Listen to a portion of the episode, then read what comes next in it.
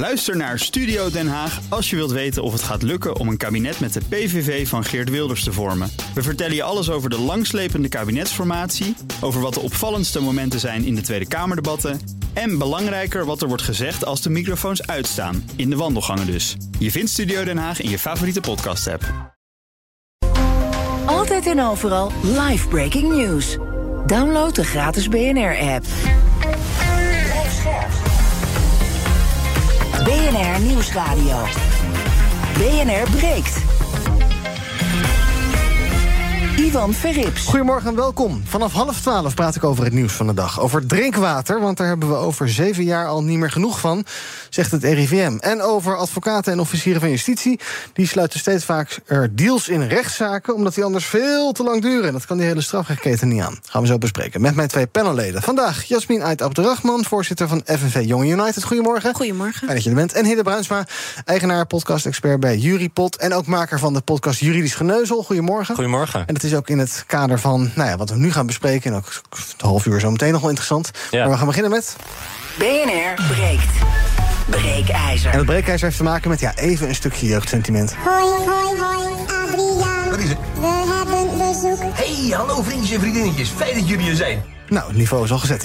Bezoek dus van robots. Over zeven jaar kan een derde van de vacatures op de Nederlandse arbeidsmarkt wellicht worden opgevuld door machines, robots, meldt het FD vandaag op basis van onderzoek van PwC. En daarbij zijn robotarmen en kunstmatige intelligentie nog niet eens meegerekend. Het gaat dus vooral om machines die taken voor ons uitvoeren. Service robots worden die dingen genoemd. Ja, is dat nou een gevaar of juist een zegen? Daar ga ik graag het komend half uur over praten. Met jou, ons breekijzer is... ik kan niet wachten tot een robot mijn baan overneemt. Wat vind jij? Ben je het daarmee eens? En denk je dat eh, ja, robots de toekomst zijn voor onze arbeidsmarkt?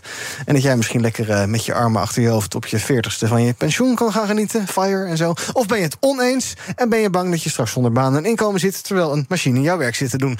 020 468 4 keer 0 is ons telefoonnummer als je wil reageren. 020 468 4 keer 0 Nu bellen kom je zo in de uitzending. En ons breekijzer dus. Ik kan niet wachten tot een robot mijn baan overneemt. Zometeen hoor je hoe uh, Hid en Jasmin erover denken. Maar ik heb ook bij me Mark Levels. Hij is hoogleraar gezondheid, onderwijs en werk... en programmadirecteur bij het Research Centrum... voor Onderwijs en Arbeidsmarkt van de Universiteit Maastricht. Goedemorgen. Goedemorgen. Ik kan niet wachten tot een robot mijn baan overneemt. Hoe zit dat uh, voor een hoogleraar gezondheid, onderwijs en werk? Nou, ik heb een hartstikke leuke baan. Ja. En ik hoop eigenlijk dat robots en AI mij uh, productiever maken. Maar um, het is uh, onder professoren niet ongebruikelijk om na het pensioen door te werken. En dat was ik niet van plan. Oké, okay, dat is alvast goed om te weten. En hoe, uh, hoe hoop je dat uh, robots jouw werk kunnen ja, verlichten of kunnen ondersteunen? Op welke manier? Ja, we moeten robots misschien even breed definiëren als machines die zelf auto redelijk autonoom dingen kunnen doen. Uh, ChatGPT is misschien een ontzettend goed voorbeeld mm -hmm. van een technologie waarvan we denken dat die ons uh, gedeeltelijke taken kan overnemen en, en daarmee productiever kan maken. Uh, ik heb collega's die het nu gebruiken om te coderen. Er wordt geëxperimenteerd met het schrijven van stukken. Um, daar gaat een hele hoop tijd in zitten en dat ben ik straks niet, niet meer kwijt. Het, het, het, maken van systematische reviews duurt ontzettend lang. Um, kan allemaal geautomatiseerd worden met dezelfde resultaten. Um, dus denk aan de impact van, uh, van technologie op de arbeidsmarkt. De vraag is nu ook in welke mate kunnen robots of machines taken overnemen. Mm -hmm. En uh, in welke mate kunnen ze, uh, doordat ze die taken overnemen, mensen productiever maken of vervangen. Ja, want in dat onderzoek van PwC, waar het FD over schrijft, gaat het vooral om uh, de zorgsector, de transportsector, logistiek. Dan, dan gaat het vooral om het ja, verplaatsen van dingen, aangeven, dingen opslaan. Dat is, dat is dus niet echt, ja, ik ja. zal maar zeggen, niet echt AI-werk, ja, misschien ook wel, maar meer praktisch werk, toch eigenlijk? Ja, ja, maar er zit natuurlijk wel een soort uh, uh, algoritme achter dat, dat uh, maakt dat zo'n machine kan leren wat het moet doen. Um, maar het is waar. Um, en ook in deze banen, de voorbeelden die je geeft, lijkt het erop dat zo'n machine een zorgmedewerker enorm kan helpen om zware taken over te nemen. Ja. We gaan een rondje in het panel doen. En dan zometeen ook naar uh, de bellers. Mark blijft bij ons, dan kom ik zo bij je terug. Um, uh, Jasmin, ons breekijzer. Ik kan niet wachten tot een robot mijn baan overneemt. Ik ben toch wel benieuwd hoe de voorzitter van FNV Young United erover denkt. Nou, het is niet dat ik zelf echt heel erg sta te popelen... dat mijn werk wordt overgenomen door een robot. Ja. Um, nou ja, een reflex van heel veel mensen is natuurlijk wel vaak van... Nou, uh, de, de robotisering van de arbeidsmarkt... dat is een gevaar misschien voor mijn eigen baan. maar je ziet eigenlijk dat het heel vaak nou, best wel positief kan uitpakken... En dat -hmm. juist die automatisering ook echt ten dienste kan staan van uh, mensen. Ik denk dat dat ook een heel belangrijk uitgangspunt is. Dus hoe kan het uh, ondersteunen? Um, dus ja, wat dat betreft ben ik hele. Ja, tuurlijk ben ik ja. voor technologische vooruitgang. Ik denk wel dat als we het hebben over, nou, vooral lange termijn, dat het voor zowel werkgevers als ook voor vakbonden belangrijk is om na te denken over hoe ziet het werk van de toekomst eruit. Um, en hoe kunnen we mensen goed gaan omscholen op plekken waar hun werk wel vervangen gaat worden. Want mm -hmm. bijvoorbeeld, nou, in sommige sectoren, bijvoorbeeld in, uh, in de havens uh, of in de auto-industrie, ja, daar wordt heel, best wel veel werk ook vervangen. Uh, ja, en dan die mensen moeten wel goed omgeschoold en bijgeschoold gaan worden. En daar doen we in Nederland eigenlijk best wel weinig mee. Ja. Is, de, is het standpunt van de vakbond ook een beetje veranderd op dat gebied? Want vroeger was het, als het om robots ging, robotisering was het gelijk de rem erop en dat moeten we niet willen. Is dat ja. wat genuanceerder geworden, denk jij? Nou, ik zat uh, 20, 30 jaar geleden zat ik zelf nog niet bij de nee, vakbond, dus ik, weet niet hoe. Het klassieke hoe... beeld hè, van die vakbond die wil dat niet, ja. die is bang dat mensen hun banen verliezen. Ja, en dat is, dat is ergens ook wel een, re een reële angst. Er is onderzoek gedaan hiernaar uh, door, moet ik even goed zeggen door wie dat was, ga ik zo nog even checken. Ja. um, maar wat daaruit bleek is dat, je, dat het op bepaalde vlakken wel heel gunstig is, die automatisering, maar dat daardoor de sociale ongelijk of de sociale kloof wel wordt vergroot. Ja. Dus dat vooral hoogopgeleiden profiteren van die automatisering, maar dat vooral mensen onderaan aan de maatschappelijke ladder wel hun werk verliezen. Dus ja, die automatisering is heel goed en moeten we ook in investeren. Maar zorgen we dan wel voor dat je goed gaat om- en bijscholen. Kijk, wel grappig wat je zegt, want ik las een onderzoek van Goldman Sachs... waarin ze juist zeiden dat de hoogopgeleiden in Oh, de problemen komen. Omdat het over het algemeen kenniswerkers zijn... Uh, die nu op een bepaalde manier hun kennis kunnen, kunnen inzetten in hun werk. Mhm. En wat je natuurlijk ziet met al die AI-tools, is dat die kenniswerkers die worden steeds meer overbodig, omdat al die AI-tools die Ja. kennis Excel, zelf. Excel sheets inkloppen kan. eh, Ja, dat kan, eh, kan ChatGPT straks in drie Mhm. seconden. Dus waarom zou je daar nog een, eh, een fiscaal jurist bijvoorbeeld voor inhuren om, om zulke constructies te gaan bouwen als een AI dat automatisch kan doen met de één druk op de knop? Dus ik, ik denk juist dat ook de groep hoger opgeleiden hier scherp op moet zijn en moet leren om te werken met deze systemen en om deze systemen te moeten inzetten bij hun werk. Want anders word jij straks ook overbodig als hoger opgeleide. Oké, Mark, waar, waar, waar, zit jij, waar zit wat jou betreft de grootste ja, risico is het misschien niet, maar de grootste vervanging of waar we de grootste kansen tot hulp? Ja, eigenlijk is, is alles wat er nu toe gezegd is waar. Hè. We, we doen hier nu eh, vijf, zes jaar onderzoek naar. Er is heel veel onderzoek eh, op dit gebied. Eh, dat convergeert langzaam maar zeker op bepaalde, ehm, bepaalde uitkomsten.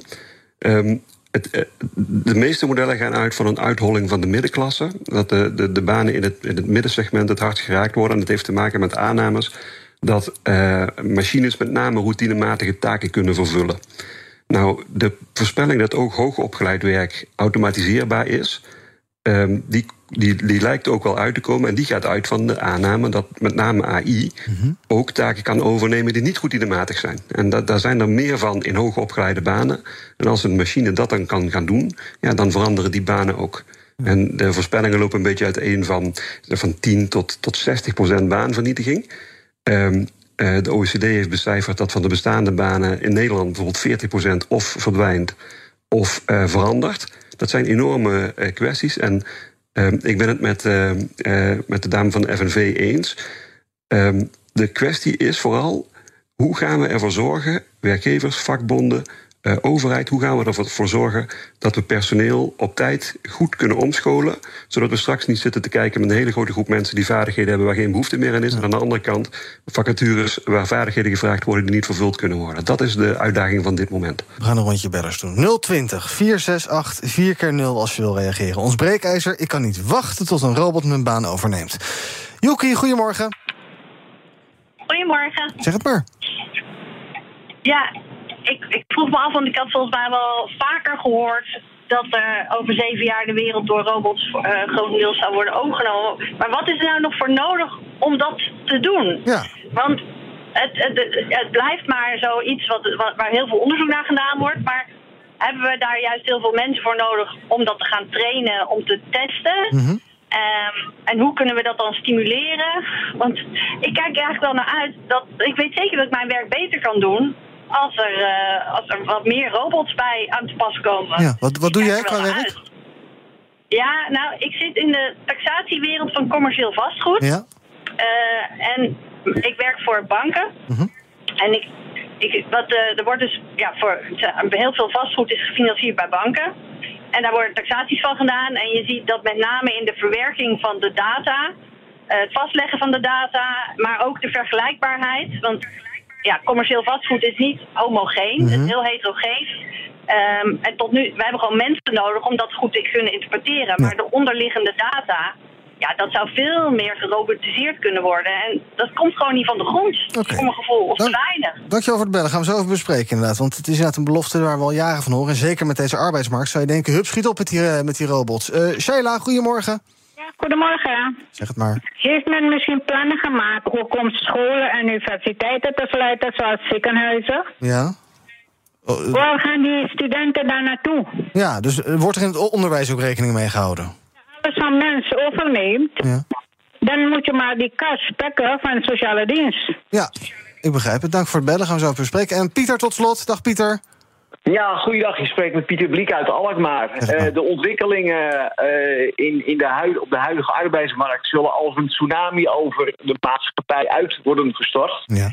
Eh, binnen nu en enkele jaren, zeg maar 10, 15 jaar, 20 jaar, dan zal ongeveer de huidige hoeveelheid werk worden gedaan door, eh, door robots en door algoritmes. En, daar zal, en, en ja, wat ga je dan met al die mensen doen die, eh, die dan geen werk meer hebben? Eh, de, de ontwikkelingen gaan gigantisch snel. In de vorige drie industriële revoluties werd ook gezegd. de- de- er gaan meer banen verdwijnen dan er bij gaan komen. Maar er kwamen juist meer ba- banen bij, omdat de ontwikkelingen complementair waren aan de ontwikkelingen. Maar wat je nu ziet is een combinatie van robotisering en digitalisering. Eh, die gaan samenwerken en die algoritmes die worden op allerlei, op alle fronten, met name eh, in, ja, in werk, eh, hebben ze een heleboel he- heel groot effect. En dat gaat heel veel banen kosten op een gegeven ogenblik. En ik heb een paar jaar geleden zat ik in een promotietraject. Toen zou ik onderzoek gaan doen naar de sociale leer van de katholieke kerk. En dat zou gaan over de effecten van de robotisering en digitalisering. Ja, eh, eh, ja, de kerk, ja, de katholieke kerk. Ja, maar een robot in de kerk? Nou, weet je, dit- Pieter, dit moet je andere keer maar even uitleggen. Ben ik wel geïnteresseerd in, maar je punt is duidelijk. Dank voor het bellen. BNR breekt. Ivan Verrips. Met vandaag mijn panel Jasmin Ait Abderrahman, voorzitter van FNV Jonge United. Hidde Bruisma, eigenaar podcast-expert bij Juripod, maker van de podcast Juridisch Geneuzel. En ook bij me is Mark Levels, hij is hoogleraar Gezondheid, Onderwijs en Werk... en programmadirecteur bij het Research Centrum voor Onderwijs en Arbeidsmarkt van de Universiteit Maastricht. We praten over ons breekijzer. Ik kan niet wachten tot een robot mijn naam, eh, mijn naam, nou dat kan ook, maar eerst mijn baan overneemt. 020 468 4 keer 0 Nu bellen als je wil reageren. Doe dat nu, dan praat je zo meteen nog mee. 020 468 4 keer 0 Eh, leuke dingen gehoord van de bellers, interessante dingen. Ehm, dat is misschien wel goed om even te bespreken als eerste, Mark. We horen inderdaad al ja, jaren van de belofte van de robots. En dan inderdaad met een arbeidsmarkt nu, waarbij er hartstikke veel vraag is om mensen die, eh, die dingen gaan doen. Dan zou je denken, waar zijn die dingen? Zet ze in. Ja, ehm, dat, is waar. Eh, ik laat als ik presentaties hou altijd een plaatje zien van iemand die uit het raam valt. eh, en die dan naar de omstanders roept: het gaat, eh, Tot nu toe gaat het prima. Ehm, daar moeten we een beetje voor opletten dat we niet in die, eh, in die fout vervallen. Die, de technologische ontwikkelingen gaan door. Het gaat snel. Dat zien we nu ook met ChatGPT. Dat is een ontwikkeling die al, al een hele tijd gaande. En, en nu in één keer is, de, is het grote publiek er wakker van geworden. Dat, het, dat de techniek eigenlijk al best wel ver gaat. Wat zijn de belangrijkste bottlenecks? Aan de ene kant heb je een aantal engineering bottlenecks. Eh, er moet technisch het een en ander worden opgelost om al die apparaten klaar te maken voor de banen waar ze voor bedoeld zijn. En daar is nog lang niet alles eh, ge- geregeld. Een robotarm kan bijvoorbeeld, eh, eh, fijne motoriek is best wel een probleem. En er eh, worden allerhande oplossingen voor bedacht. Aan de andere kant organisatiebottlenecks. Het implementeren van automatiserende technologieën in je value chain kost tijd, kost moeite, kost organisatieverandering. Kost, dat je, eh, eh, kost een inspanning om mensen daarvoor klaar te maken.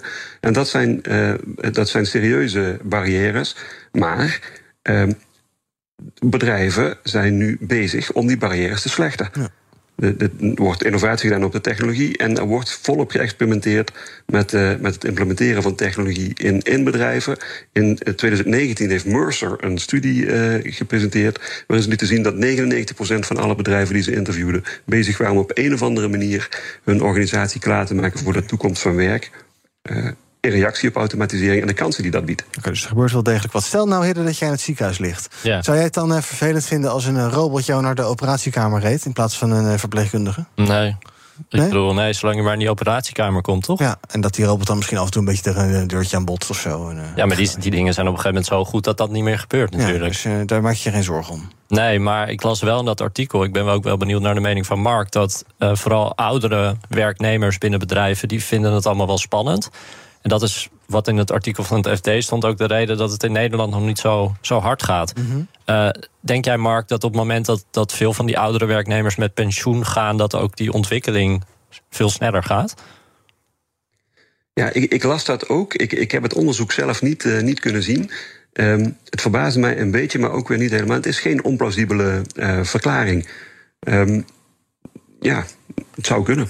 Ja. We weten het gewoon nog niet. Beetje een laf antwoord van een hoogleraar. Nee, dat geeft niet. Als je het niet weet, dan ben ik blij dat je dat, dat, je dat eerlijk zegt. Dat je het niet gaat bedenken. Want dan kunnen we net goed uh, ChatGPT aan het woord zetten. Ja, dus Milan, ben jij al bang dat je wordt vervangen? Nee, ik denk dat het hier wel meevalt. Uh, althans, nou ja, kijk, je kan best een, uh, kijk, je kan best een, draaiboek maken... en dat dan door een, uh, door een robotstem laten uitspreken. Jouw Alleen, robotstem? Ja, mijn robotstem of een Google-stem of een stem van Microsoft of iets dergelijks. Alleen ik denk dat er als luisteraar niet zoveel aan is. Want ja, dan weet je dat daar een computer tegen je aan staat te ouwehoeren. Ja, is dat leuk? Misschien wel hoor. En misschien dat er een een computer ook hele ongepaste opmerkingen kan maken. En rare fouten en versprekingen en haspelingen en blunders en dergelijke. Maar is dat leuk om naar te luisteren? Ja, er zijn dus wel nu al podcasts waarbij de stemmen allemaal gegenereerd zijn met AI. Dus ja. dan, dat... is dat leuk om naar te luisteren? Nou, nog niet. Nee. Precies. Maar het kan ook in het voorwerk zitten, toch? Dat een computer voor je gaat uitzoeken welk nieuws interessant is. Of waar, waar je het misschien over kunt hebben. Dat hoef je ja. dan niet meer zelf te doen. Klopt. Dan kun je halve redactie ontslaan. Moet je, ja. Nou, kijk, ik denk dat de hoofdredactie met interesse meeluistert. Moet je daar uh, open en eerlijk over zijn, Jasmin, denk je? Want stel nou, sterker nog. In dit half uur zitten een paar vragen die zijn gegenereerd door ChatGPT. We hebben dat, dat FD-artikel gevoed aan ChatGPT met uh, de vraag van... joh, maak maar een paar vragen. Ja. Normaal doe ik dat echt niet. Echt niet hoor. Uh, moet je er eerlijk, open en eerlijk over zijn? Over dat banen vervangen gaan worden? Nee, over dat je dus uh, zegt van... nou, wij, wij maken hier een, een, krant of een radio-uitzending... en de helft van de vragen is bedacht door ChatGPT. Of moet je dat gewoon lekker gebruiken en niks meer mee doen? Nee, dat, nou, dat is wel interessant eigenlijk ja? dat je dat zegt. Nou, vanochtend had ik toevallig iemand van onze persafdeling aan de lijn. Uh, en die vertelde dat hij vorige week een persbericht had geschreven door middel van ChatGPT. Oké. Okay. Uh, en dat, nou, ik vind dat eigenlijk ook wel interessant om te horen. Dat je dus ziet. En zo, ja, ChatGPT die schrijft het dan niet helemaal perfect. Dus je moet mm -hmm. het vervolgens wel naar eigen hand zetten.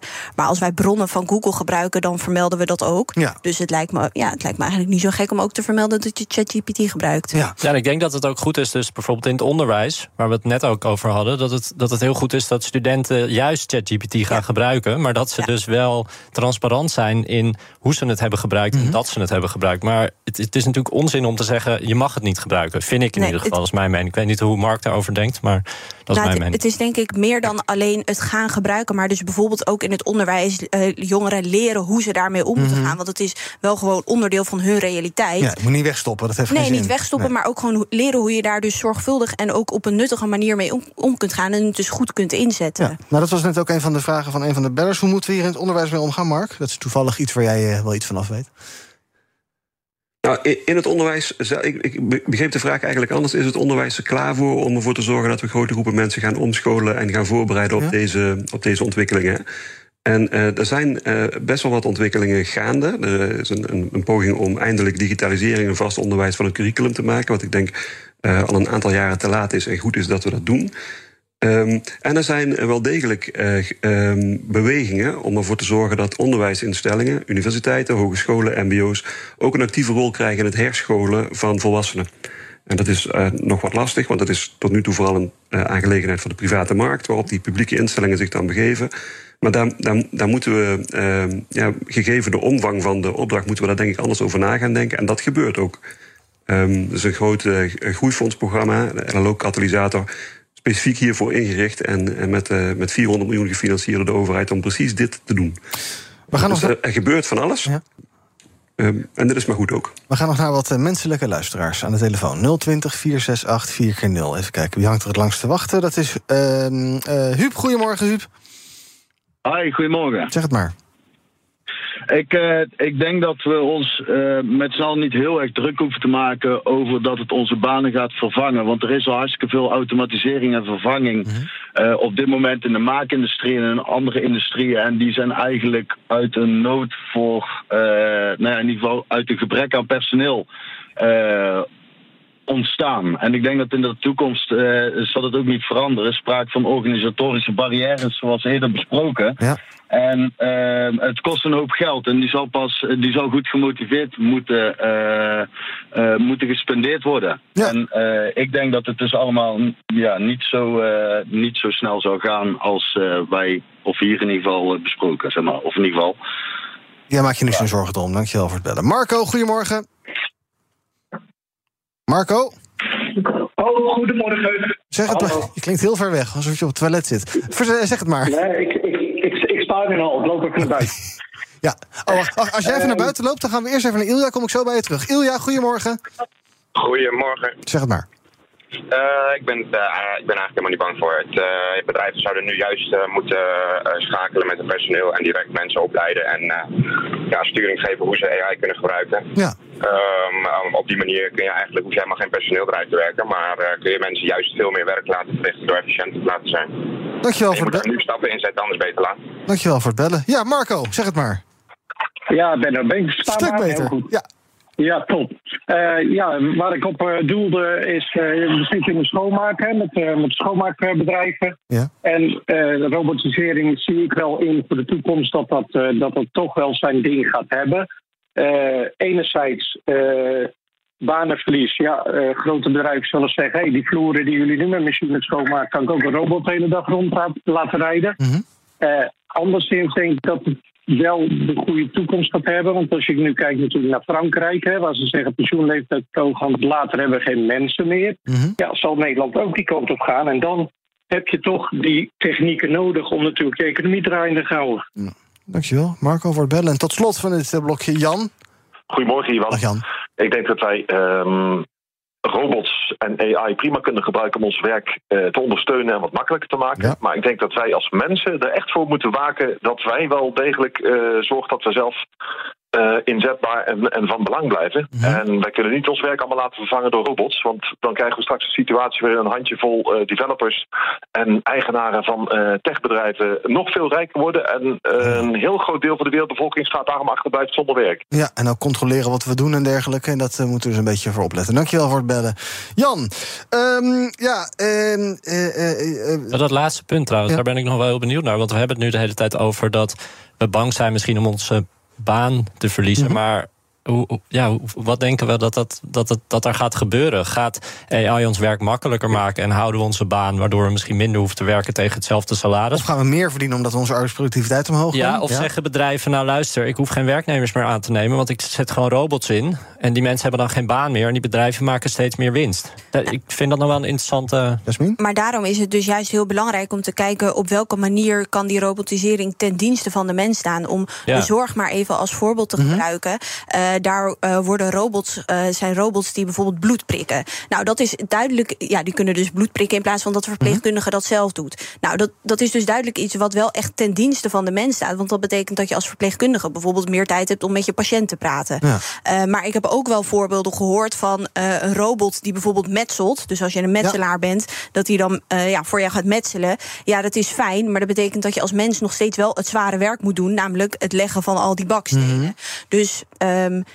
ja, het is vooral inderdaad belangrijk, de vorige beller wat hij ook zei, van kijken hoe kan je ervoor zorgen dat het ten dienste van de mens staat. En dan verhoogt dat uiteindelijk de productiviteit. En dan moeten we inderdaad gaan kijken, wat gaan we met die winsten doen? En Ja. hoe zorg je dat je dat eerlijk Ja. verdeelt? En nog wel even dat, grappig dat voorbeeld van die beller net van die schoonmakers. Eh, Thuis zie je de, de robotstofzuiger en dergelijke Ja. in, in opkomsten. Ja, de, ook door dit pand waar wij nu staan met onze eh, radio-uitzending... daar zijn s'nachts ook allerlei mensen aan het schoonmaken. Nou, je zou misschien wel willen, weet ik niet hoor... maar misschien zou je denken van, goh, eh, dus laat dat ook automatiseren. Dan kunnen die mensen iets anders gaan doen. Dan hoeven zij niet bij nacht en ontij hier schoon te maken. Ja, maar wat je zegt is wel belangrijk. Hè? Dan die mensen wat anders gaan doen. Ja? Kunnen die mensen dan ook wat anders gaan weet het doen? niet, maar- Nee, maar goed, dat is dus wat, wat Jasmin net natuurlijk ook zei. Dat is heel belangrijk. Nou ja, dat is dus die om- en bijscholing die dus heel belangrijk is... en waar we in Nederland eigenlijk relatief weinig mee doen. Zeker als je kijkt naar bijvoorbeeld jonge werknemers... die bijvoorbeeld oververtegenwoordigd zijn in flexwerk. Ja, als werkgever ben je helemaal niet verplicht... om te investeren in om- en bijscholing Mhm. van flexwerkers. Dus dat zijn wel Ja. dingen, ja, daar moeten we wel gewoon echt goed naar gaan kijken. Hoe kan je dat doen? En dan kan je prima ervoor zorgen dat mensen ander werk gaan doen. En ook de vraag, wat willen mensen? Want misschien willen mensen wel gewoon graag schoonmaken. Ja, dat kan ook. Ja. Dat kan ook. Mark, tot slot, ja, eh, robots. Heel veel, wat ik zei, het is iets eh, waarvan we het al overal jaren al over hebben. Maar jij zegt dus, het gaat echt wel de komende tijd gaat het echt wel een vlucht nemen. Zeker met eh, die recente generatieve AI-oplossingen en dergelijke. Ja, ga- gaat gebeuren, maar we moeten een beetje opletten dat we niet, hè, en een van de vorige bellers noemde het een tsunami die over ons uitgestort wordt. Maar dat is zeer zeker niet zo. De, de impact die het gaat hebben op ons leven, op ons werk, is ook echt deels afhankelijk van beleid en van de manieren waarop we daarmee omgaan. Ehm, en alle dingen die hier benoemd zijn, daar ben ik het echt heel erg mee eens. Het gaat vooral over, eh, over her- en omscholen. Waarom? Ook als het netto-effect van robotisering nul is. Als er net zoveel nieuwe banen bijkomen eh, als er eh, eh, dan vernietigd worden. eh, dan gaan die nieuwe banen nog steeds andere vaardigheden vragen van mensen. En daar moeten we, daar moeten we klaar voor zijn. En ik heb de indruk dat we nu met z'n allen het juiste gesprek aan het voeren zijn. Het heeft even geduurd. We zijn de juiste vragen aan het stellen. En er wordt in Brussel, in Den Haag, in Berlijn... er wordt ook echt over oplossingen nagedacht en er wordt geëxperimenteerd. Dus we zijn ook wel op de goede weg.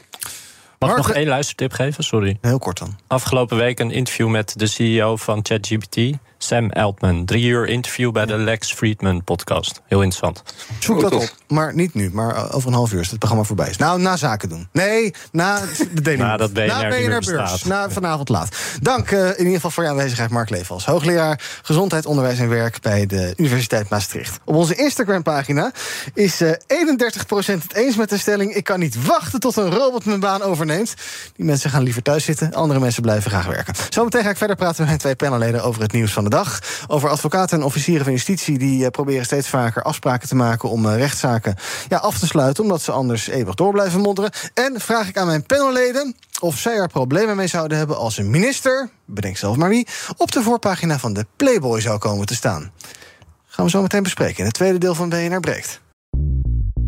Bij BNR ben je altijd als eerste op de hoogte van het laatste nieuws. Luister dagelijks live via internet. Bas van Werven. En heel langzaam komt de zon op rond dit tijdstip. Je krijgt inzicht in de dag die komt op BNR, het Binnenhof in Nederland en de rest van de wereld. De Ochtendspits. Voor de beste start van je werkdag. Blijf scherp en mis niets. Blijf scherp. BNR Nieuwsradio. BNR breekt. Ivan Verrips. Welkom terug in mijn panel vandaag. Hidde Bruinsma, eigenaar, podcastmaker, podcast-expert bij Jurypod. Hij maakt de podcast Juridisch Geneuzel. En Jasmin uit Abderrahman, voorzitter van FNV Young and United. En wij gaan praten over het eh, nieuws van de dag. Ja, kondigt het al aan. Drinkwater.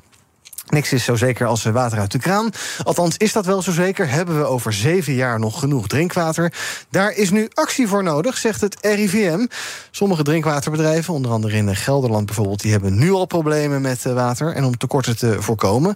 moeten we op zoek naar andere manieren om water te winnen. Maar ja, daarmee redden we het eigenlijk nog steeds niet... zegt Robin van Leerdam van het RIVM bij de NOS. Aan de andere kant is het ook belangrijk dat mensen realiseren dat water een eh, beperkt goed is. Eh, dat het zeer waardevol is en dat ze dus eh, water besparen. Dat geldt niet alleen voor de mensen thuis, dat geldt ook voor eh, industrieën. Die moeten ook bekijken hoe zij eh, hun processen met minder, minder water eh, af kunnen of hoe ze water kunnen hergebruiken. Ja, zuinig met water omgaan en dus ook nieuwe manieren vinden om het te winnen, om het vast te houden, maar ook er zuinig mee omgaan. En dan denk ik, zijn er zoveel mensen die water verspillen? Niemand laat toch vrijwillig heel lang de kraan openstaan, Jasmin? Of jij wel misschien? Nou ja, niet. nee, niet voor zover ik weet Nee. niet. Nee, maar ik denk inderdaad dat we best veel water verbruiken. Ja. Ja. Maar goed, dat is ook goed. Je moet water drinken. Je moet eh, toch wel één keer per drie weken een keer douchen en zo. Ja, maar bijvoorbeeld elke dag in bad. Dat Ja. hoeft niet, denk ik. Nee. En je tanden poetsen doe je ook niet onder de douche? Eh, nou ja, of je tanden poetsen met de- dat je de kraan te- tegelijkertijd Oh ja, laat lopen. Ja, Ja. Je, je kan natuurlijk tientallen manieren bedenken waardoor je minder water kan verbruiken. Ja. 10 minuten douchen, ja, dat, dat is natuurlijk onzin. Je kan ook twee minuten douchen of één minuut. Waar, waar moet, moet je 10 minuten onder de douche staan? Ja, wat niet helpt is dat water echt helemaal bijna niets kost. Nou ja, Of duizend liter, eurotje of twee. Het is heel goedkoop, ja. Het is wel natuurlijk echt gewoon best wel zorgelijk. Mhm. Want als wij als Nederland, waar gewoon, waarvan je echt niet zou verwachten dat er een tekort is aan water. Nee. Afgelopen zomer Ja. hadden, we, hadden we al een watertekort. Nou ja, laat staan wat het gaat betekenen voor de rest van de wereld. Ja, hoe is het dan in landen als Spanje of Italië? Ik bedoel. Nou ja, en het laat zien hoe groot het probleem eigenlijk is. En dat, we, dat er dus wel echt iets moet gaan gebeuren om ervoor te zorgen dat die watertekorten zoveel mogelijk eh, ingeperkt worden. Ja. En het RIVM dat ze, die zegt nu eigenlijk van ja, die waterlevering dat is helemaal niet zo vanzelfsprekend als dat wij denken. Dus inderdaad, je, je hebt water nodig en het is heel goedkoop. Ja, maar straks is het er gewoon niet meer. Nee. Dus het is en inderdaad voor ons dat we echt zuiniger moeten gaan, moeten gaan doen met water. Maar ook we moeten manieren vinden om slimmer om te gaan met water. Dus het is bijvoorbeeld heel gek dat wij wc's doorspoelen met drinkwater. Ja. Dat is eigenlijk, ja, wa- Ja. waarom doen we dat? Ja, ze hadden bij de NOS hadden ze een leuke infographic. En dat stond volgens mij dat je 40 liter per dag aan, aan wc-water doorspoelt. Zo, Oh, dat Ja, is best veel. Als je dat Ja, optelt is op alle. Nederlanders, is Ja. dat best aanzienlijk. Ja. Ja, dus dat, dat zijn natuurlijk al wel dingen waar je kritisch naar kan Ja. kijken. Van kunnen we, kunnen we dat veranderen? Ja, als je nieuwbouw gaat doen, maak dan twee Exact. stromen... waarbij je inderdaad eh, Ja. eh, met regenwater eh, opvangt en zo. Dat, zou dat niet eigenlijk verplicht moeten worden? Regenton en zo en dat soort dingen? Ja, ik vind het. Ik bedoel, als je nou kijkt Ja, hoeveel. dingen verplichten. Ja, daar hou jij van. Maar hoeveel het heeft geregend de afgelopen maanden. Ja, het hield maar niet op. Dan denk je toch van hoe, hoe bizar dat we dan deze zomer waarschijnlijk alweer een watertekort gaan krijgen. Ja. Dat, Ja. Ik, ik vind dat altijd zo verbazingwekkend dat dat dan kan. Ja. Maar blijkbaar zijn die technieken of technologieën om dat water op te slaan, die zijn nog niet zo goed om dat te voorkomen. Ja, hebben jullie een douchetimer? Nee, die heb ik niet. Nee, maar, het zou voor een bijvoorbeeld, eh, vriendin wel goed zijn. Oké. Die, die watertonnen, ja, het hoeft natuurlijk niet verplicht, maar het zou misschien wel meer een norm kunnen worden. Mhm. En eh, ja, die waterbedrijven die maken zich natuurlijk ook gewoon heel erg zorgen, omdat. Ja, zij kunnen straks niet meer leveren. En jij noemt, noemt de bouw. Ja, zij zien gewoon dat er dus in dat er bouwbesluiten worden genomen. En dat er helemaal niet in wordt opgenomen dat er water bespaard moet gaan worden. Ja, dat is best wel zorgelijk. Want er wordt wel in opgenomen hoe het zit met logistiek of alle andere dingen eromheen. Ja, en eigenlijk zou dus wel verplicht moeten worden dat je bij dat soort dingen gaat kijken. Hoe kunnen we ook echt dat water gaan leveren? Of hoe kunnen we in elk geval zoveel mogelijk water gaan besparen? Ja, want ik las wel dat zelfs een nieuwbouwproject volgens mij werd afgewezen omdat ze niet hadden nagedacht over water. Ja. Ja. Wauw. Ja. Of dus gewoon de prijs eh, omhoog gooien. Ik bedoel, we hebben met gas gezien, als het opeens gruwelijk duur wordt, dan gaan mensen er minder van gebruiken. Ja. Maar dan krijg je misschien ook nare bijeffecten, weet ik niet. Maar Ja, ik zou niet. Ik, waarom is het ook zo goedkoop? ja, omdat het niks het is water, ja. Het is, ja, Ja, maar het is blijkbaar dus toch een schaars goed. Help, Ja, help even. precies. Het is water, Ja. het is vanzelfsprekend. Maar Ja. dat is het natuurlijk Dat het eigenlijk dus helemaal niet. Nou ja, afgelopen jaren dus wel. Ja, maar straks niet meer. Komende zeven jaar nog en dan in 2030 is het klaar. Ja, maar je moet natuurlijk niet water, je moet niet alleen maar de prijs omhoog gaan doen, omdat mensen ja, moeten. Nee, de prijs hoeft niet omhoog. We moeten gewoon gaan kijken naar betere manieren van water winnen. Hoe kun je water besparen? Daar gaat het vooral om. Ja, en hoe lang doucht jouw vriendin dan? Ja, dat weet ik niet. Het, ik bedoel, maar Hoe lang douche je zelf? Klinkt ook Ja. alsof je zelf een beetje... nee, want ik het, ik douche eh, zelf bijna altijd koud. En Oh. dat, is, Oh, dat is dan een er halve minuut. Dat vind ik ja. altijd rare mensen die dat doen. Ja, maar ik vind jou ook raar. Waarom doe je dat? Eh, ja, dat is heel goed voor je spieren. Omdat ik veel sport. Oké, nou dan is het goed. Ander nieuws van vandaag dan. In steeds meer rechtszaken worden ja, afspraken gemaakt tussen officieren van justitie en advocaten, lezen we in het Algemeen Dagblad deze ochtend. Al die deals eh, komen door de hoge werkdruk in de ja, hele strafrechtketen. In de praktijk levert dat vooral lagere straffen op voor verdachten. Ehm, kijk ook eventjes naar eh, juridisch geneuzel, want het is een beetje juridisch geneuzel. Ja, je zou denken, een rechter gaat uiteindelijk over een straf. heren. Ja, ja. Maar eh eh, OVJ's en advocaten kunnen ook onderling afspraken maken. En dan mo- moet daar dan de rechter nog wat van vinden of zo? Of Hoe werkt dat? Eh, nou, ik denk wel dat, dat, dat de rechter daar, eh, daar weet van heeft. Ja. het is niet dat hij daar helemaal niet meer aan te pas komt. Ehm, maar wat je natuurlijk ziet met rechtszaken... is dat ze in de openbaarheid wordt er een, wordt er een vonnis uitgesproken. Dat is als je zo'n deal maakt, is dat niet het geval. Maar ja, het is hier volgens mij wel vaker aan bod gekomen... dat de recht, rechtsstaat, de rechtspraak staat natuurlijk zwaar onder druk. Dus je moet op een gegeven moment ook wel deals gaan maken. Je kan ook niet zeggen tegen verdachten... nou, komende vier jaar zit jij in voorarrest... en over vier jaar komt je zaak een keer aan de beurt. Uh, dus het is ook wel logisch dat dit gebeurt. Ja. Um, volgens mij zijn de meeste officieren van justitie... die moeten elk weekend doorwerken. De werkdruk ligt daar echt enorm hoog. Um, maar ja, of het goed is, dat vraag ik me wel af. Want Ja. je neemt wel een beetje die transparantie weg die je normaal wel hebt. Ja, nou, ik geloof dat een paar jaar geleden inderdaad het OM ook al zei... van ja, wij willen vaker eh, procesafspraken en ook vonnisafspraken maken. Dus dat zijn dit eigenlijk. Daar, toen zeiden de advocaten van, nou ja, oké... als dat het belangen van onze cliënten niet schaadt, prima. Uh, maar de rechters zeiden, ja, hallo, wij zijn er ook nog. Uh, dit is toch niet helemaal het idee van ons juridisch systeem, toch Jasmin? Dat we dat de aanklager en de verdedigende partij samen even gaan uitvechten wat het wordt. Ja, dat is inderdaad die transparantie ja. waar Hidde het ook over heeft. Ik denk wel, ben ook wel benieuwd hoe jij daar naar kijkt, Hidde. Want ik denk dat het wel altijd goed is om te kijken hoe je zaken effectiever kunt Mhm. maken en hoe je dingen sneller kunt laten lopen. Maar het is nu wel een beetje zorgelijk dat het uit een soort noodzaak gebeurt, omdat de druk op de rechtspraak gewoon zo hoog is. Dus ja, als dit op een goede, man- een goede en transparante manier kan, dan fijn. Maar dat neemt het probleem van die, wer- van die druk op de rechtspraak natuurlijk niet weg. Nou, ja, ik denk wel dat het heel goed zou zijn, wat jij zegt, dat er wat meer standaard regels zouden zijn over hoe, hoe ga je zo'n deal maken. Want ik las dat sommige rechtbanken die, eh, die leggen dat gewoon naast zich neer en die zeggen: nee, je zoekt het maar uit met je deal. Mhm. En bijvoorbeeld de rechtbank Rotterdam, die schijnt daar heel, eh, die vindt het allemaal prima en die, die gaat er wel in mee. Dus het is natuurlijk ook een beetje raar dat voor advocaten en verdachten voelt het soms ook als een soort loterij dat ze wel of niet een deal kunnen maken. Ja, dan denk je van dat, dat moet natuurlijk niet. Dat moet natuurlijk niet zo zijn. Het moet wel een soort standaard proces zijn, wat in heel Nederland ongeveer vergelijkbaar is. Ja. Aan de andere kant, er komt in het AD ook een rechter aan het woord, Jacco Jansen, die zegt: ja, je wint dus tijd. Dus dan kan je misschien wel tien zaken behandelen in plaats van acht. En dan geef je tien keer het signaal af dat aan de samenleving dat misdaad niet loont. Ja, dan is dat misschien iets minder zorgvuldig gebeurd dan bij die acht keer, maar liever iets vaker dan iets, min, eh, iets vaker wat minder goed dan iets minder vaak. Wat... Ja, maar ik denk dat zorgvuldigheid zal je verbazen hoe zorgvuldig al die zaken gaan. Uh, ik heb wel eens iemand gehad die had een fotootje op zijn website gezet. Oh En die moest daar een enorme boete voor betalen. En die ging naar de rechter. En uh, nou ja, dat werd gewoon afgedaan met een half A4'tje. Terwijl wij hadden documenten 50, 60 pagina's ingeleverd. En dan heb je wel heel erg het gevoel... hier is eigenlijk gewoon niet naar gekeken. Dit Ja. is van een standaardzaak, nou, zoek het maar uit. Ja. Dus ik vraag me heel erg af of dat, of het altijd zo zorgvuldig gaat... als dat wij denken. Oké, maar die rechter mag wel een grote rol blijven houden in dit proces. lijkt ja, me. dat lijkt mij ook, ja. Bij BNR ben je altijd als eerste op de hoogte van het laatste nieuws. Luister dagelijks live via internet. Bas van Werven. En heel langzaam komt de zon op rond dit tijdstip. Je krijgt inzicht in de dag die komt op BNR, het Binnenhof in Nederland en de rest van de wereld. De Ochtendspits. Voor de beste start van je werkdag. Blijf scherp en mis niets. 12 uur. BNR breekt. We kijken wat een panelleden is opgevallen in het nieuws. Eh Jasmin, eh, jij wil het hebben over eh, gemeente en de schuldsanering. Wat, Ja. wat, een saneringskrediet. Nou, Ja. Wil je even uitleggen, wat is er aan de hand? Nou, het overgrote deel van de gemeentes in Nederland is schulden aan het overnemen van burgers door middel van een saneringskrediet. Nou, dat klinkt misschien een beetje. maar waar het eigenlijk op neerkomt, is dat de gemeente gewoon zegt: wij nemen je schulden over. En de enige die dan nog de schulden heeft, is de gemeente zelf. Mhm.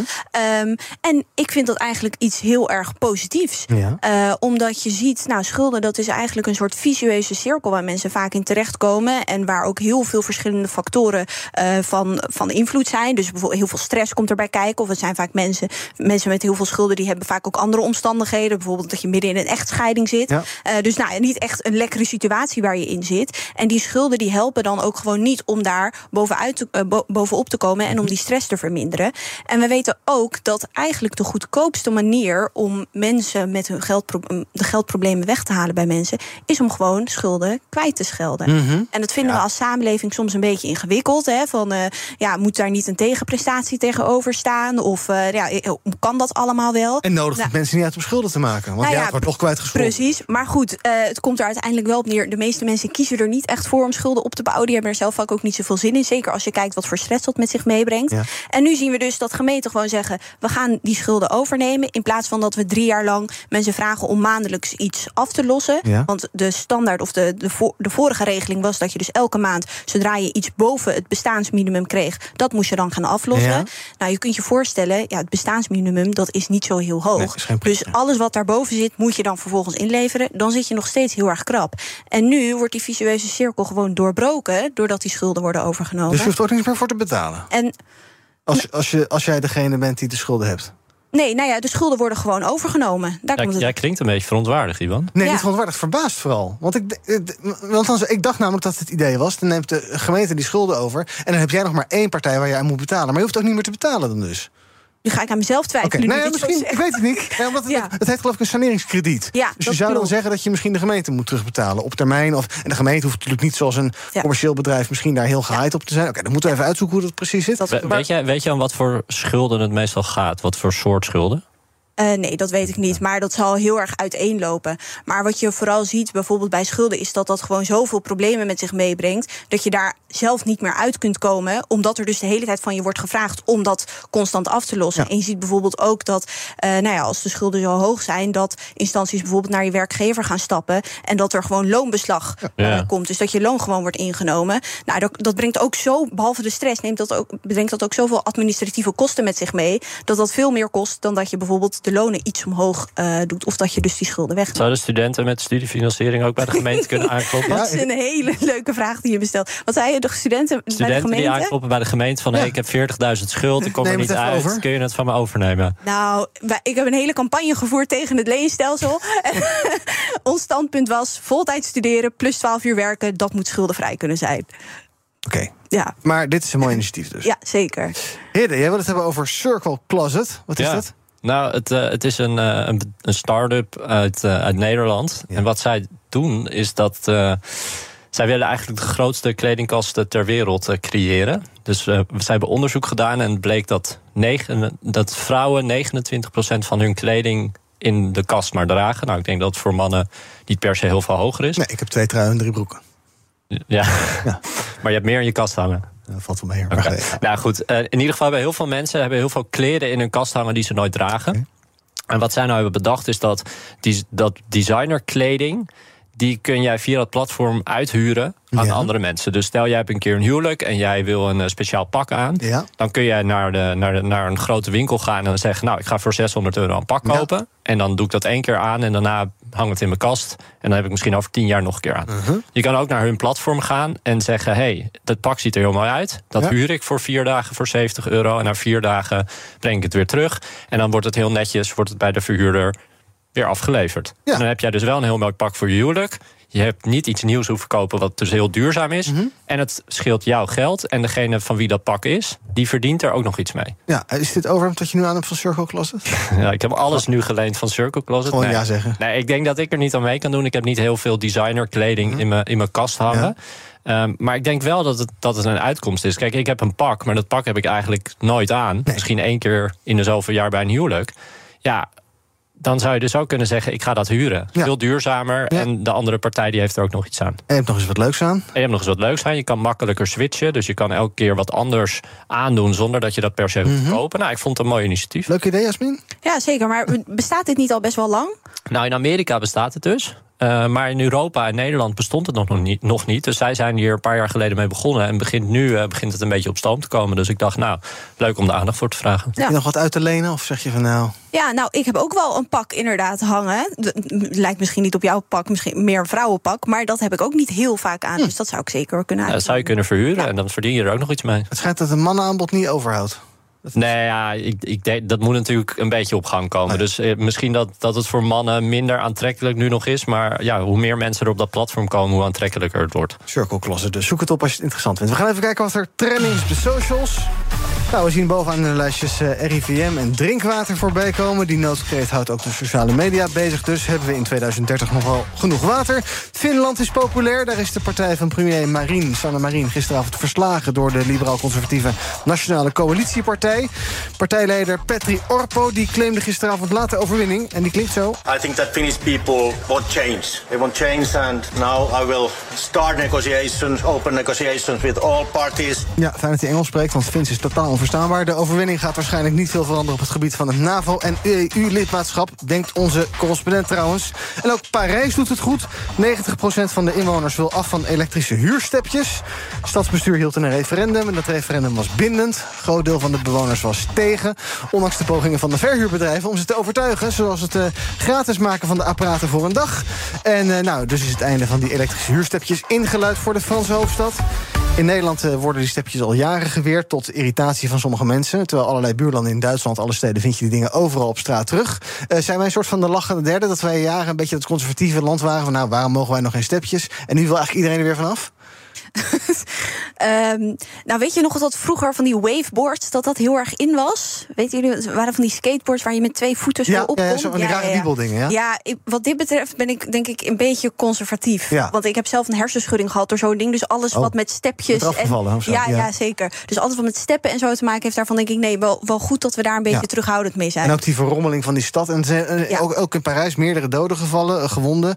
Nou, een beetje, maar een beetje Ja, het is druk genoeg hier op het fietspad, toch? Ja, de- en er zijn al inderdaad genoeg dingen die daar We rond... hebben genoeg elektrische fietsen die met 60 per uur voorbij eh, razen. Ja, Dus. dus jij, jij mist ze ook niet. Ik, vind, mis het in het buitenland, niet. ik vind het in het buitenland altijd wel leuk. Ja, ik heb hem nog nooit gebruikt in het buitenland. Ja, je Nee. kan je op zich wel snel verplaatsen. Ja, Ja. kan ook. ja, Kan ook fietsen. Kan ook fietsen, moet je fiets huren. Ja. Tot slot, eh, nog meer. We blijven even in Frankrijk. De, een Franse staatssecretaris, Marlène Schiappa... die ligt onder vuur bij haar eigen partij. Komende donderdag staat ze namelijk in de Playboy op de voorpagina... met een eh, grote eh, interview over vrouwenrechten. Maar in Frankrijk gaat het dus vooral over die coverfoto... die al op het internet rondgaat. Ik geloof dat daar niet heel erg veel spannends op te zien is. had Maar toch ook gewoon op de voorkant van de Linda kunnen staan? je hebt hem gezien? Ja. Oh ja, ik, dus wat we omschrijven het Het is even ze heeft een witte jurk aan, maar Ja. het is helemaal niet Playboy. Denk je meteen aan dat ze naakt op de voorkant staat of half naakt. Ja. Maar, ze heeft, Maar dat was toch, wel, was toch ooit wel het idee van de Playboy? ja, maar dat is volgens mij op een gegeven moment veranderd. In ieder Nee. geval staat ze er niet naakt en ook niet half naakt op. Nee, maar nu is wel iedereen boos. Zelfs eh, premier Elisabeth Borren. Ja, omdat natuurlijk in Frankrijk nu eh, iedereen de straat op gaat... omdat ze niet twee jaar langer willen werken. Mhm. En, ehm, Wat heeft dat hiermee te maken? nou, Ja, dat, nou. ze vinden dus dat, dat iemand hiermee dus de aandacht afleidt... van dat er problemen Ah, zijn in het land. afleidingsmanoeuvre. Macron die had afgelopen weekend volgens mij ook een interview gegeven... bij een kinderblad. Nou, dat was ook niet, waren ze ook niet blij mee. Dus ze hebben zoiets van, ja, we moeten nu focus hebben... op de problemen in het land... en Ja. ons niet bezighouden met het geven van interviews... aan bladen als de Playboy. Hm. Jasmin, een goed idee dat een eh, minister of staatssecretaris in een eh, blad als Playboy gaat staan? Als je een doelgroep wil bereiken? Nou, Mark Rutte zit ook bij Vandaag in Site. Ja, is ook een soort Ja, Playboy. maar dat, anders. dat is ook zo. ook een soort. Ja. Eh, nee, ja, goed idee of niet? Ja, ik vind het eigenlijk wel vet. Maar Mhm. ik, ik denk dat het inderdaad. Ja, ze doet haar werk toch gewoon. of Als ze haar werk gewoon goed doet, ja, wat maakt het dan uit? Ja. Dat zou ik denken. En inderdaad, het is ook niet een hele gekke foto. Gewoon in een witte jurk, zoals eh Hidde zegt. Dus ja, waar maak je je druk om? Je kunt zeggen, er zijn hele grote problemen in het land. Dus jij mag niet in de Playboy. Ja, dat- Mhm. dat, is een beetje gek. Ja. ja, als ze naakt in de Playboy was geweest, was het misschien weer een ander verhaal. Of zelfs dan niet misschien. Nou, Nou ja, wel. Dat is wel Ja. een beetje raar over een inhoudelijk, beleidsinhoudelijk Ja, verhaal. het is, maar goed. het is Ja. een beetje symbool. Het ging om vrouwenrechten, hè, eh, eh, LGBT-rechten, dat soort En zaken. zij is, zij is de eerste minister van Frankrijk geweest van eh, gendergelijkheid, geloof ik. Dus ja, op zich niet heel gek dat zij een interview geeft over. Ging het over vrouwenrechten? Ja, Ja, hè? ja. Ja. Nou, niet zo gek dat ze dat doet, lijkt mij. Eh, maar zelfs als ze er naakt op had gestaan, ja, dat doet denk ik nog steeds niet af aan hoe zij haar werk doet. Nee. Dus Je bereikt, en je bereikt wel veel mensen dan. Ja, er wordt over gesproken, bijvoorbeeld helemaal in Amsterdam. Dat is toch best een Een beetje een clickbait dit. Ja. Nee, dat is zeker. Dat is Oh. het ook. Ja. Zijn er ministers in Nederland waarvan jullie denken. Nee, die vraag ik net Nee, gesteld. dat zou ik Nee, laat maar. Laat maar We zijn door de tijd niet. heen. We, zijn, de- we moeten eruit, dankjewel. Dank voor jullie aanwezigheid vandaag. Jasmin uit Abderrahman van FNV Jong en United. En Hidde Bruisma van Juripot en maker van Juridisch Geneuzel. Weer een aflevering gemaakt voor het eerst in tien Ja, maanden. ja, in- voor het eerst in Wat, tien wat, wat maanden. bezielde jullie? Ja, we dachten, we gaan weer eens beginnen. Oké. En eh, eind april komt eh, een heel bijzonder interview online. Oh, met wie? Met eh, Joost Korte van de Europese Commissie. De hoogste baas op het gebied van arbeid in Europa. Stuur een factuurtje voor de reclame. Dankjewel. thanks. Juridisch Geneuzel met Hidde Bruisma dus. Morgen eh, ben ik er weer met BNR Breekt. Tot die tijd volg je ons via de socials. En laat je radio aanstaan. Dan hoor je zo meteen over een paar minuutjes. Zaken doen met Thomas van Zel. Bij BNR ben je altijd als eerste op de hoogte van het laatste nieuws. Luister dagelijks live via internet. Bas van Werven. En heel langzaam komt de zon op rond dit tijdstip. Je krijgt inzicht in de dag die komt op BNR, het Binnenhof in Nederland en de rest van de wereld. De Ochtendspits. Voor de beste start van je werkdag. Blijf scherp en mis niets.